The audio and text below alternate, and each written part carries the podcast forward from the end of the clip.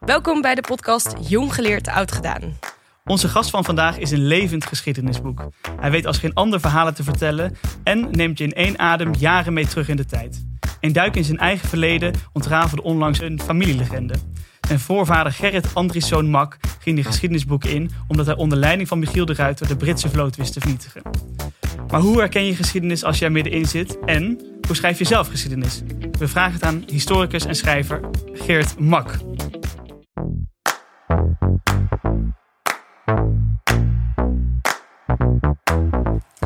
Welkom. Ja, fijn hier te kunnen zijn. Het is een eer. Nou, voor ons ook. Voor ons ook. U heeft een rijke familiegeschiedenis met een voorvader die met de vloot van Michiel de Ruiter voer. U noemde uw voorvader ooit een moedig man. Ja, dat moest je wel zijn als je, wanneer was het? Midden eh, 17e eeuw op een brander, want dat heeft hij gedaan. Is een schip dat in de fik gestoken is, werd als het vlak bij de vijand was. En dan moest je overboord springen of in een klein sloepje heel snel wegroeien. Eh, als je kapitein van zo'n brander was. En eh, het grappige is, eh, in de familieoverlevering wordt altijd gezegd: ja, een van onze voorvaderen was kapitein bij Michiel de Ruiter. En ik dacht altijd dat is schouwhoeren, dat dachten we allemaal. Want die, echt die families, dat zijn voor een groot deel zijn dat gewoon hele of halve kletsverhalen. Maar rempel, het bleek te kloppen. Dus eh, ja, je moet behoorlijk moedig zijn. Maar ik denk ook dat het ook allemaal pure armoede was hoor. Want ik denk dat die, uh, uh, de familie zat veel zalmvissers. En dat hij waarschijnlijk visser was. Uh, dat zijn, er kon niet gehandeld worden. Dus hij, zijn broodwinning was hij kwijt. Dus toen werd hij maar kapitein op zo'n brander. Heb jij een familielegende? Ja, bij, bij mij in de familie zei mijn oma altijd... ja, mijn, mijn opa of de, of de vader daarvan, dat weet ik eigenlijk niet meer... was van adel uh, uit België, heette Wilsons. En uh, hij zou dan weer vreemd zijn gegaan met de dienstmeid. En daar zouden wij dan weer allemaal uitgekomen zijn. En dat is echt zo'n verhaal wat bij ons helemaal in de familie is gaan leven. En waar, maar moet je het dan kapot checken of moet je het laten gaan? Wat, wat... Ja, het is, het is uh, dat moet, hangt van jezelf af. Er zijn ook wel verhalen in, in mijn familie van ik denk, ja, uh, zal ik die eigenlijk wel checken? Uh, maar je wil het ook weten? Ja, soms wel en soms niet. Ik, ik ben er wel dingen die, die, waarvan ik denk, nou, die hoef ik eigenlijk niet te weten. Nee, die, maar, maar... Die, ik, laat, ik laat. Nou, misschien ook omdat ik de betrokkenen heb gekend. He, en. Uh, uh, ze zijn al dood, maar ze zijn nog net dichtbij genoeg. Uh, als, als iemand over 50 jaar het gaat uitpluizen, dan, dan is het allemaal wel koud. Dan mag het allemaal. Hm. Ja. Maar bijvoorbeeld mijn moeder zegt altijd dat wij van de vikingen afstammen. Dat vanuit haar familie. En daar is ze zelf ook trots op. Ze is zeg maar een, een sterke, sportieve vrouw. En wij nemen dat ook heel graag over. Dat we, en ik denk dan ook wel eens onbewust van... oh ja, ik ben zo'n rouwdouwer, want ik stam van de, van de vikingen af. Maar ik heb geen flauw idee of het klopt. Nou, ik had met het televisieprogramma... ik had één, één grote vraag. Want de familie ging altijd... De, de, loopt een Poolse Jodin loopt ergens begin 19e eeuw door de familie heen. En uh, vandaar, en mijn grootmoeder bijvoorbeeld, grootmoeder, dit is ook echt wel, leek ook heel erg op een Joodse vrouw. Heel slim, fel. En ook een beetje zo'n soort gezicht. En liet het aan Joodse vrienden ook zien. Oh ja, nee, nee, dat, dat moet wel wat wezen. Dus uitgezocht. Niks te vinden. Nee. Helemaal niks. Zelfs het DNA hebben ze uitgezocht. Nee, het is een, uh, het is een familie uit Dokkum. En een beetje Pools bloed zit erin. En misschien dat wel, hè, Litouwen. Ja. En verder gewoon, het, ook die makken die zouden uit Frankrijk komen. Allemaal wilde verhalen. Het is een echt vanaf, maar dat is dan vanaf het eigenlijk begin een van de schepping komen ze Ja. uit Schiedam. Oh ja. oh ja. weg, weg. De teleurstelling. Ja. Ja, Ja, precies, dus, dat eh, is het natuurlijk. Dus Ja. zo zit je. Maar goed, het is. eh, ja, is elke wonderlijk. familie probeert zichzelf op te pimpen met sterke Precies, dat is verhalen. het ook, ja. Ah, het is altijd leuk. Ja, ja, ja. Wanneer is bij u de fascinatie voor, voor de geschiedenis ontstaan? Ehm, ik denk al heel lang hoor. Ik heb het altijd wel heel leuk gevonden. Eh, ook omdat het iets zegt natuurlijk over hoe dingen gekomen zijn. En eh, niet alleen waar je persoonlijk vandaan komt, maar hoe dingen ontstaan zijn. Eh, en ook sentiment. En met name toen ik eh, eh, Amsterdamse journalist werd. En ik begon de geschiedenis van, mij, van die stad mij steeds meer te intrigeren. En toen ben ik langzaam eigenlijk van journalist steeds meer geschiedschrijver geworden. En, en beide disciplines liggen ook vlak bij elkaar. Dat je allebei bezig bent een chaos aan feiten en meningen te ordenen. en eh, naar waarde te schatten en te interpreteren. Het soort werk is, is hetzelfde. Ik heb zelf altijd exacte vakken gehad op de middelbare school. Scheikunde, natuurkunde. Mijn ouders zijn geen geschiedeniskenners per se. We hadden het er wel eens over. En toen ging ik studeren, weer nooit geschiedenis gehad. En nu kom ik eigenlijk pas achter hoe weinig ik weet van geschiedenis. Hoe belangrijk is het om dat stukje geschiedenis te leren? Zeg maar, wat, wat mis ik? Nou, ik denk dat, je, dat, dat het belangrijk is, en zeker nu, ehm, omdat de situatie nogal gevaarlijk is. Uh, en uh, als je ziet wat er bijvoorbeeld in de Tweede Kamer geroepen wordt, met name door, door Baudet en consorten. Iedereen die zijn geschiedenis een beetje kent, of je nou van links of rechts bent, gaan de alarmbellen rinkelen. Hé, hé, hé, hé, dit hebben we vaker gehoord. en de, de, daar kunnen hele rare dingen uit voortkomen. Heeft u een voorbeeld? Nou, ik, het, uh, bijvoorbeeld het, uh, toen Baudet begon met zijn, zijn boreale, wat zei hij ook alweer? Nou, die, die boreale verleden. nou, die, die termen begon te gebruiken. Ja, dan gaat iedereen overeind zitten. Die denkt, ah, ja, ja, ja, ja. Uh, komt er helemaal uit de. Dan, dan ben je niet meer conservatief, wat een heel eerbaar beroep is. Maar dan ben je echt uh, met bloed en bodem bezig. Dan ben je bezig met uh, een, een, wereldbeeld te scheppen waar bepaalde bevolkingsgroepen heel nadrukkelijk worden buitengesloten. En, en dat is, de, dat is bloedlink. Wij dachten altijd die Weimar-republiek, de jaren twintig, Duitsland, was een zootje en een chaos.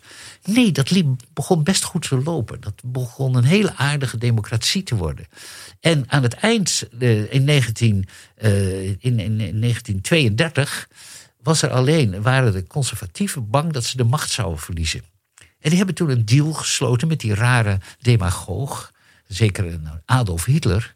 Want die, had, die was wel populair aan het worden. En ze mhm. dachten, met die stemmen van Hitler en wij samen, die Hitler houden er wel onder. Uh, kunnen we aan de macht blijven. en dus Hitler is op die manier aan de macht gekomen. Dankzij de conservatieven die hem wilden gebruiken. Binnen een paar weken was het omgedraaid. Gebruikte hij die conservatieven. en en dan zie je ook, als je iemand. Iedereen dacht het is een rare fantast, rare ideeën. Als je zo iemand op een echte machtspositie toelaat kunnen er opeens hele gevaarlijke en gekke dingen gebeuren. Dat, dat soort dingen leer je wel als je met geschiedenis bezig bent. Je alarmsysteem uh, wordt ontwikkeld. Uh, maar ook voor goede dingen hoor. Bedoel, je, je, je denkt ook, aha, uh, dit zijn dingen die, die in de geschiedenis goed gewerkt hebben. En daar kun je van leren. Wat leert de geschiedenis ons over de huidige tijd? Nou, een paar dingen. Zeg maar heel, heel, heel praktisch zie onder ogen dat er problemen zijn en vraagstukken die niet marktproblemen zijn, maar publieke problemen. Een pandemie is, uh, daar is al jaren voor gewaarschuwd. Alle inlichtingendiensten, inclusief onze eigen AIVD, zeiden nou, kans bij oorlog is sowieso, maar kans op een pandemie is extreem groot. Er wordt al twintig jaar voor gewaarschuwd. Uh, Zo'n jaar, zo in de jaren tachtig was de publieke gezondheidszorg nog zo dat daar allemaal saaie, brave ambtenaren zijn die scenario's daarvoor bedachten. Die hadden er ook echt heel veel verstand van. Dat is helemaal weggeveegd, want het is niet interessant voor de markt, et cetera. Kern is dat er gewoon meer dan 30.000 mensen uit zijn gesmeten de laatste jaren. En dat, hadden we kunnen leren als we goed naar de geschiedenis hadden gekeken. Dat hadden we absoluut. Dat hadden we geweten. Deze dingen, en als je gewoon naar onze inlichtingendiensten hadden geluisterd, die eindeloos hiervoor gewaarschuwd hebben al. En uh, dat is een les van de geschiedenis. Uh, en de, dat je gewoon veel meer in dat soort termen moet. Lang niet alles, maar die termen moet je ook denken. Ja. En tweede is de waarheidscrisis. Ja, dat hebben we in de 16e eeuw gek genoeg ook gehad. Toen de drukpers net was uitgevonden. Toen, uh, toen wemelde het van de pamfletten. Uh, die, uh, daar werd gelogen, dat wist je niet over. Gore verhalen. Het, is net Twitter. Oh ja? uh, een vriend van mij, René van Stiprian, die heeft net een biografie geschreven van Willem van Oranje. Per ongeluk de vader des vaderlands geworden. En ook wel heel bekwame politicus, maar ook hij was een van de eerste die de Twitter van toen, het pamflet, helemaal in zijn vingers had. En hij en zijn mensen logen als de pest.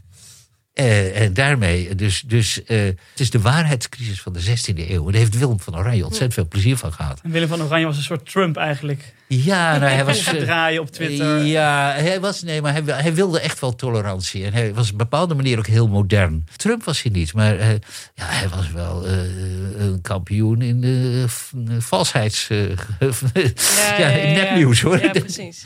Ben jij wel eens in netnieuws getrapt, Bart? In nepnieuws getrapt. Nou ja, ja, zeker. Ik weet niet of u de speld kent. Toen, Zeker. toen dat net bestond, toen, toen dacht ik dat dat dus inderdaad echt... eh, Oh, dat is echt... Toen wa- las ik nieuwsartikelen, dan stuurde ik dan door naar mensen. Dus moet je kijken, dit is toch ongelooflijk? En toen, Ja, ja. bleek, en toen bleek ze, ja, ha, wat is het van de speld? Oh, ja. Tegenwoordig heb je ook zo'n pagina niet de speld. Voor artikelen die zo belachelijk zijn dat je denkt dat het van de speld is. Ja, Maar die dan daadwerkelijk echt waar zijn. ja. Ja. ja. Ja, Heb jij het wel eens gedaan? Weet ik niet. Maar ik heb wel w- ehm, een jonge vrouw die mijn eh, moeder een tijdje heeft begeleid. omdat ze vanuit Syrië naar Nederland is gekomen. Ehm, die hier nu aan de universiteit studeert. En een hele slimme vrouw. En zij vertelde op een gegeven moment. Dat, ehm, toen was ze volgens mij met kerst of zo bij ons. En toen vertelde ze dat ze, eh, dat, de, dat ze dacht dat de wereld plat was. En mijn vader viel van zijn stoel af. Echt, hij wist niet wat Ja. hij hoorde. Dat zij dat dacht. Ja. En zei maar, ik heb YouTube-filmpjes gekeken en ik heb dat. En toen ben ik wel in een soort fascinatie terechtgekomen voor die rabbit hole. Ja. Eh, dat ik echt dacht, eh, En hoe makkelijk je erin hoe verzeild makkelijk je raakt. verzeld. En nou, dat is trouwens wel. Ik ben er wel een keer. Ehm, ik heb een keer een podcast geluisterd over dat eh, Amerikanen niet op de maan zouden zijn geweest. Oh ja, ja, ja. ja, ja. En ik moet eerlijk zeggen, alles werd. En toen dacht ik, nou, ja, misschien is het ook wel. niet. En toen ben ik een soort van anti-filmpjes gaan kijken om weer even in de realiteit te gaan. Zo van, oké, en toen heb ik dus. En die YouTube-filmpjes ontkrachten dan ook weer al die theorieën van nee, maar kijk dit en dit. dacht ik, oh ja, oké, fair enough. Maar dus toen, dus ik snap wel dat het makkelijk is om je. Ja, ik ook hoor. De eh, 9-11, eh, die theorieën. Nou, maar ik had bijvoorbeeld Ja. eh, die 16e eeuw, hè, nepnieuws. Dat er waren eh, twee broers, Koerbach, dat was in de 17e eeuw. Maar die waren fel tegen dat nepnieuws, heel nuchter. Eh, die, die fulmineerden dan ook tegen mensen die nog altijd dachten dat de aarde plat was. En dan schreef die Koerbach, ja, en toch elke scheepsjongen kan je vertellen... dat na een jaar zeilen je weer op je eindpunt bent beland. Ja. Ja, Eh, dus dat speelde toen al. Maar het is wel een gevaar ja. natuurlijk. Ik denk ook dat mensen wantrouwig zijn geworden omdat de- de tijd verandert. En ze onzeker zijn geworden. En eh, ook omdat dingen echt niet goed gaan. En er ook echt een tweedeling Ja. al maar groeiend is. Ja. ook diepe wantrouwen. Wat je ook die neiging, het wantrouwen jegens de politiek. Ja. En dat wantrouwen, daar snap ik wel wat van. Ik bedoel, als jij, zeg, bijvoorbeeld in Rotterdam, een goede buurt, oud, een beetje vervallen. eh, eh, gaat gaat het Rotterdamse stadsbestuur, inclusief de sociaaldemocraten, gaan ze plat gooien. Ja, het is ongelooflijk. Ja. En slopen. Ja. En dan denk ik, heb je er nou echt helemaal niks van begrepen? Heb je niet begrepen dat dat, dat sociale weefsel van die mensen zo kostbaar is en zo belangrijk? Ja. Juist in deze moeilijke tijd. En dat sla je met je arrogante kop kapot. Het verbaast mij vaak. Ik denk wel eens van, ik vind dat mensen nog, nog altijd, toch een overgrote deel van de Nederlanders stemt toch altijd op een redelijk nette partij. Mhm. Terwijl ze dingen meemaken waardoor je echt ja, alleen nog maar wil knallen van woede. Ja. Ik vind Nederlandse, wat dat betreft, eigenlijk heel Nederlandse kiezers behoorlijk beschaafd. Die houden hun fatsoen. Ja. Maar eh, ze worden wel eh, getergd. Ja, Ja. ja. Ja, En die ondermijning van de media, zoals dat dan wordt genoemd, eh, of de, het wantrouwen in de journalistiek, hoe, ga, hoe moeten we daarmee omgaan? We zitten nu in een hele rare fase. Opnieuw, die 16e eeuw doet er aan te denken. Waar ook, die drukpers was net nieuw. En de- heel veel porno werd er toen ook geproduceerd. Hè? Eh, alle, alle remmen gingen los. Verhalen. Ja, en- verhalen. En, en, en alle autoriteiten werden getergd. En heel veel verhalen over vette, rijke rotmonniken. Hè, Oh, dus ja? eerder, het was allemaal Geweldig. woeste, woeste pamflettenoorlog waren. Dat begonnen er toen. En dat, dat, eh, ja, dat, dat ging door tot het eind, zeker eind 17e eeuw. Eh, maar toch begonnen... eh, en dat begon natuurlijk allereerst bij de kooplieden. Die hadden echt goed nieuws nodig. Eh, eh, de oogst in Litouwen is mislukt. In de Baltische Staten. Dat moest geen fake nieuws zijn, want het bepaalde de handel. Dus zo zijn de eerste kranten begonnen. Eh, in Antwerpen en later heel in echte goede kranten waren voor het eerst in Amsterdam. Wa- Waar we het net over hadden, is natuurlijk de, de, de, de tijdsgeest waar we in leven. We hebben allemaal volgens mij door van er gebeurt heel veel. ehm, met de coronacrisis, met de klimaatcrisis. En toch, hoe herken je, hoe herken je geschiedenis als je er middenin zit? Ja, dat, dat, dat, dat vond ik aan het eind van de, bijvoorbeeld dat laatste boek van mij, Grote Verwachtingen, behoorlijk moeilijk. In principe kun je pas geschiedenis schrijven na een jaar of twintig. Geschiedenis en journalistiek lopen op een bepaald moment in elkaar over. Ze zeggen ook wel, journalisten zijn de eerste historici. Zijn de- Ja. en dat is ook wel, ik denk als je goede, zeker eh, niet het nieuws van de dag, maar als je een goede commentator bent, dan probeer je altijd al vijf stappen terug te doen. En denk je, oeps, eh, dit kan wel eens belangrijk worden. Ik herinner me heel goed van 9-11 bijvoorbeeld, dat ik op dat moment dacht, dit gaat hele grote gevolgen krijgen. En eh, wij waren vijf toen de eh, Twin Towers eh, instortten. Nu met de coronacrisis, begin maart 2020, fietste ik naar jou toe. Ehm, omdat we spelletjes zouden gaan doen. En dat was het moment, het was twee minuten voor zes, dat voor het eerst Nederland in een lockdown ging. Wat mensen altijd vertellen van, oh, die Twin Towers, dat was eh, echt een moment waarvan ik wist, nu zijn we geschiedenis aan het schrijven. Dat had ik ook met toen we voor het eerst in lockdown gingen. Had u dat ook? Ja, ja, dit is wel eh, nieuw. En ik had het daarom ook, eh bij grote verwachting had ik af. En toen heb ik nog een heel nieuw epiloog geschreven. Want ik dacht, ja, dit, dit, dit is zo eh, nu. Alles wordt nieuw en tegelijk culmineert alles natuurlijk in die coronacrisis. Eh, de, spanningen tussen de Europese landen, tenminste in het begin. eh, maar ook bijvoorbeeld het bezuinigingsbeleid, het neoliberalisme. Van alles nog, al die ontwikkelingen van de afgelopen twintig jaar, die knallen in lossen. Dus ik dacht, ja, toen het zich ontwikkelde, dacht ik ook van ja, er zijn meer pandemieën geweest.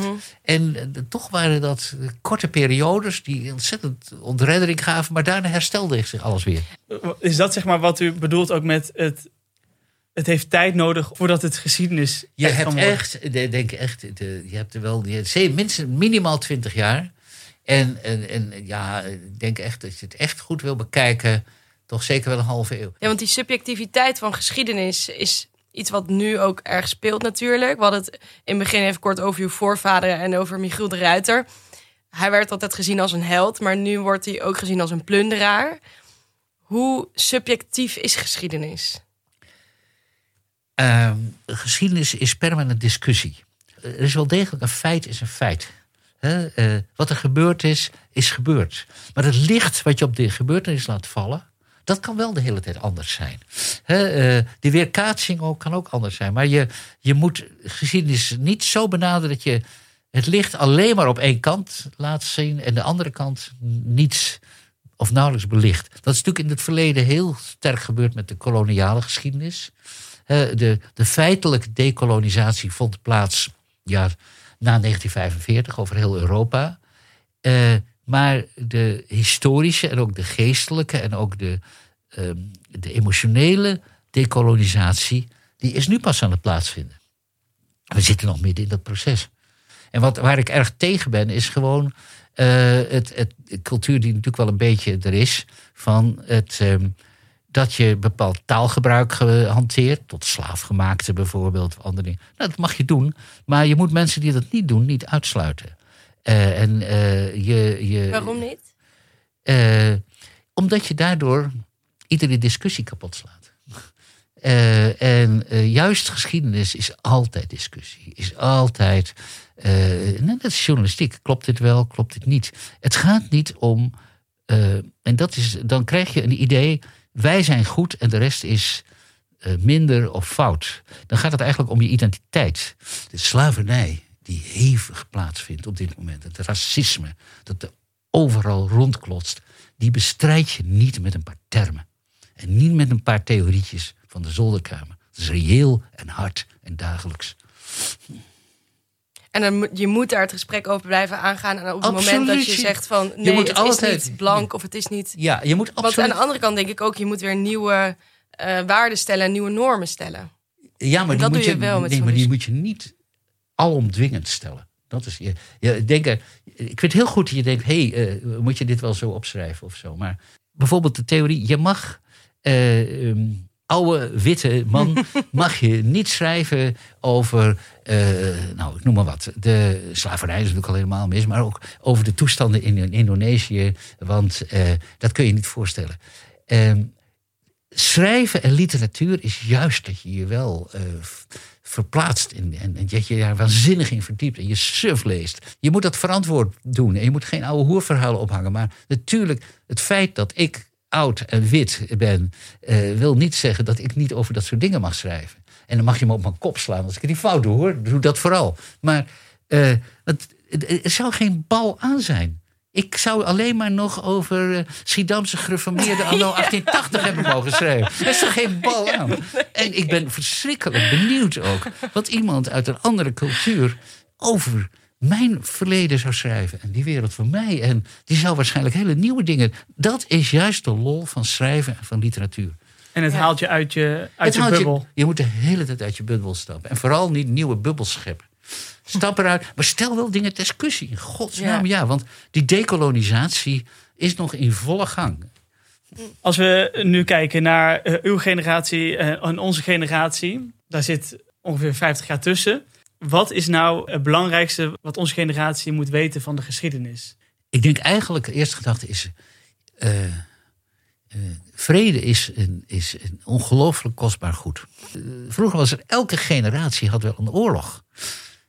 Nederland was een beetje neutraal, maar elke generatie Fransen en elke generatie Duitsers, die hebben met elkaar gevochten. En niet mis. En wat ik ook heel belangrijk wel, dat is eigenlijk wat, wat, wat ik me herinner, ik nog dat Nederland toch werd beheerst door mensen die erg bezig waren met de publieke zaak. In plaats van met rendement. Maken jullie ook mee met die kijkcijfers. Ja, Als je denkt in termen van de publieke zaak, dan programmeer je ook wat lastigere programma's. Niet de hele tijd, maar uh, toen nu dan wel tussendoor. Of je denkt, ja, ik vind het belangrijk dat mensen dit weten. Dan ben je bezig met de publieke zaak. Dus onze generatie is wat dat betreft te weinig bezig met de publieke zaak en te veel misschien met, met eigen gewin. En, ja, en met scoren, uh, weet ik niet. Uh, Probeer er van, van af te stappen. Doe wat stappen terug. En merk dat die publieke zaak ongelooflijk leuk en interessant is. We hebben elke uh, uitzending ook een spraakmemo. Een luisteraar van onze podcast stuurt een vraag in naar de gast van vandaag. Um, en dat is Jette deze week. Dus ik zou die spraakmemo graag willen laten horen. Hey Geert, een hit uit 2008 is het nummer Tijdmachine van Dio. Een nummer dat vandaag de dag nog vaak gedraaid wordt tijdens feestjes. En een nummer dat ik echt helemaal kan meezingen. Bij dat nummer fantaseer ik altijd over het hebben van een tijdmachine. Want soms zou me dat toch echt heel goed uitkomen. Voor welke gebeurtenis uit de historie zou u een tijdmachine willen gebruiken? Wat een leuke vraag zeg. Ai, ai, ai, ai, ai, ai. Oh, er zijn wel tien plekken. Ja, ik had heel graag naast Marta Gelhorn willen staan. toen zij de Russische troepen over de Oder zag trekken. in nou, voorjaar 1945. Marta Gelhorn is een groot voorbeeld voor mij. Uh, een van de eerste vrouwelijke journalisten en ook een hele belangrijke journalist. Veel oorlogscorrespondenten hebben altijd nog Marta Gelhorn als voorbeeld. Uh, en Marta Gelhorn rotzooide zich overal door alle linies heen. En ze stond bij de Oder. De Amerikanen stonden aan de ene kant van de Oder en de Russen aan de andere kant. Dit was het echte einde van de Tweede Wereldoorlog. En ze was een hele mooie vrouw. Dus ze had ook onmiddellijk een Russische kolonel aan de haak. die haar door alles heen loodste. En, uh, veel... en zij was erbij dat die Amerikanen en die Russen uh, elkaar uh, omhelsden. Even was het vrede. Even was het vrede. En ze beschrijft ook prachtig. De, de volgende dag trokken die Russen. Het is een, een, een een, leger dat helemaal van, de, van verfomfaaid en kapot gevochten was. Maar tegelijk, ze zei, die, die, die ijzeren golf die, die aankwam rollen, zei ik beklaagde de Duitsers. Want ze zouden er wat gaan merken hiervan. Ze beschrijft het ook prachtig, ook huiveringwekkend. Maar het was echt een historisch moment. En ik had toen heel graag naast Martha Gelhorn willen staan. Maar ook om naast haar te mogen staan. ik heb haar één keer nog ontmoet. Oh, wow. Bij Van Dis is ze ooit een keer gast geweest. Een hele broze oude dame. En ik wist toen eigenlijk nog niet zoveel van haar. Uh, maar ja, er zijn, zijn honderden gemiste momenten. Ja. En die tijdmachine, die zou ik wel een paar weken willen gebruiken. Ja, Ja, ja. En jij, Floor, welke, wel- welke tijd zou jij... Ik heb Welk echt een moment? fascinatie voor de middeleeuwen. Ja. En de pest en zo. Ja, we hebben hier... Ik, ik woon Oh, dat, aan de je leeft nu in Helmerstraat. coronatijd. Ja. Ja, dat is waar. Ja, ja. Maar ik, ik woon aan de Helmerstraat en daar heb je het, ehm, eh, het oude pesthuis staat daar nog. Ja, dat vind ik echt. Ik, als ik daarover lees en dat, dat dan. Ja, ik weet niet. Het is eigenlijk een hele nare tijd natuurlijk. Maar wel ook de tijd van kastelen. En Ja. de tijd van. Ja, ik zou daar echt zo. Ik denk zo vaak dat ik daar een dag zou willen rondlopen. En dan wel als fly on the wall. En dat ik dan dus, dus zo die tijd. Maar als ik dan eerder een moment, zoals u omschrijft. Dan zou ik wel ergens bij. Op een moment bij Stephen Hawking. tijdens een van zijn bevindingen.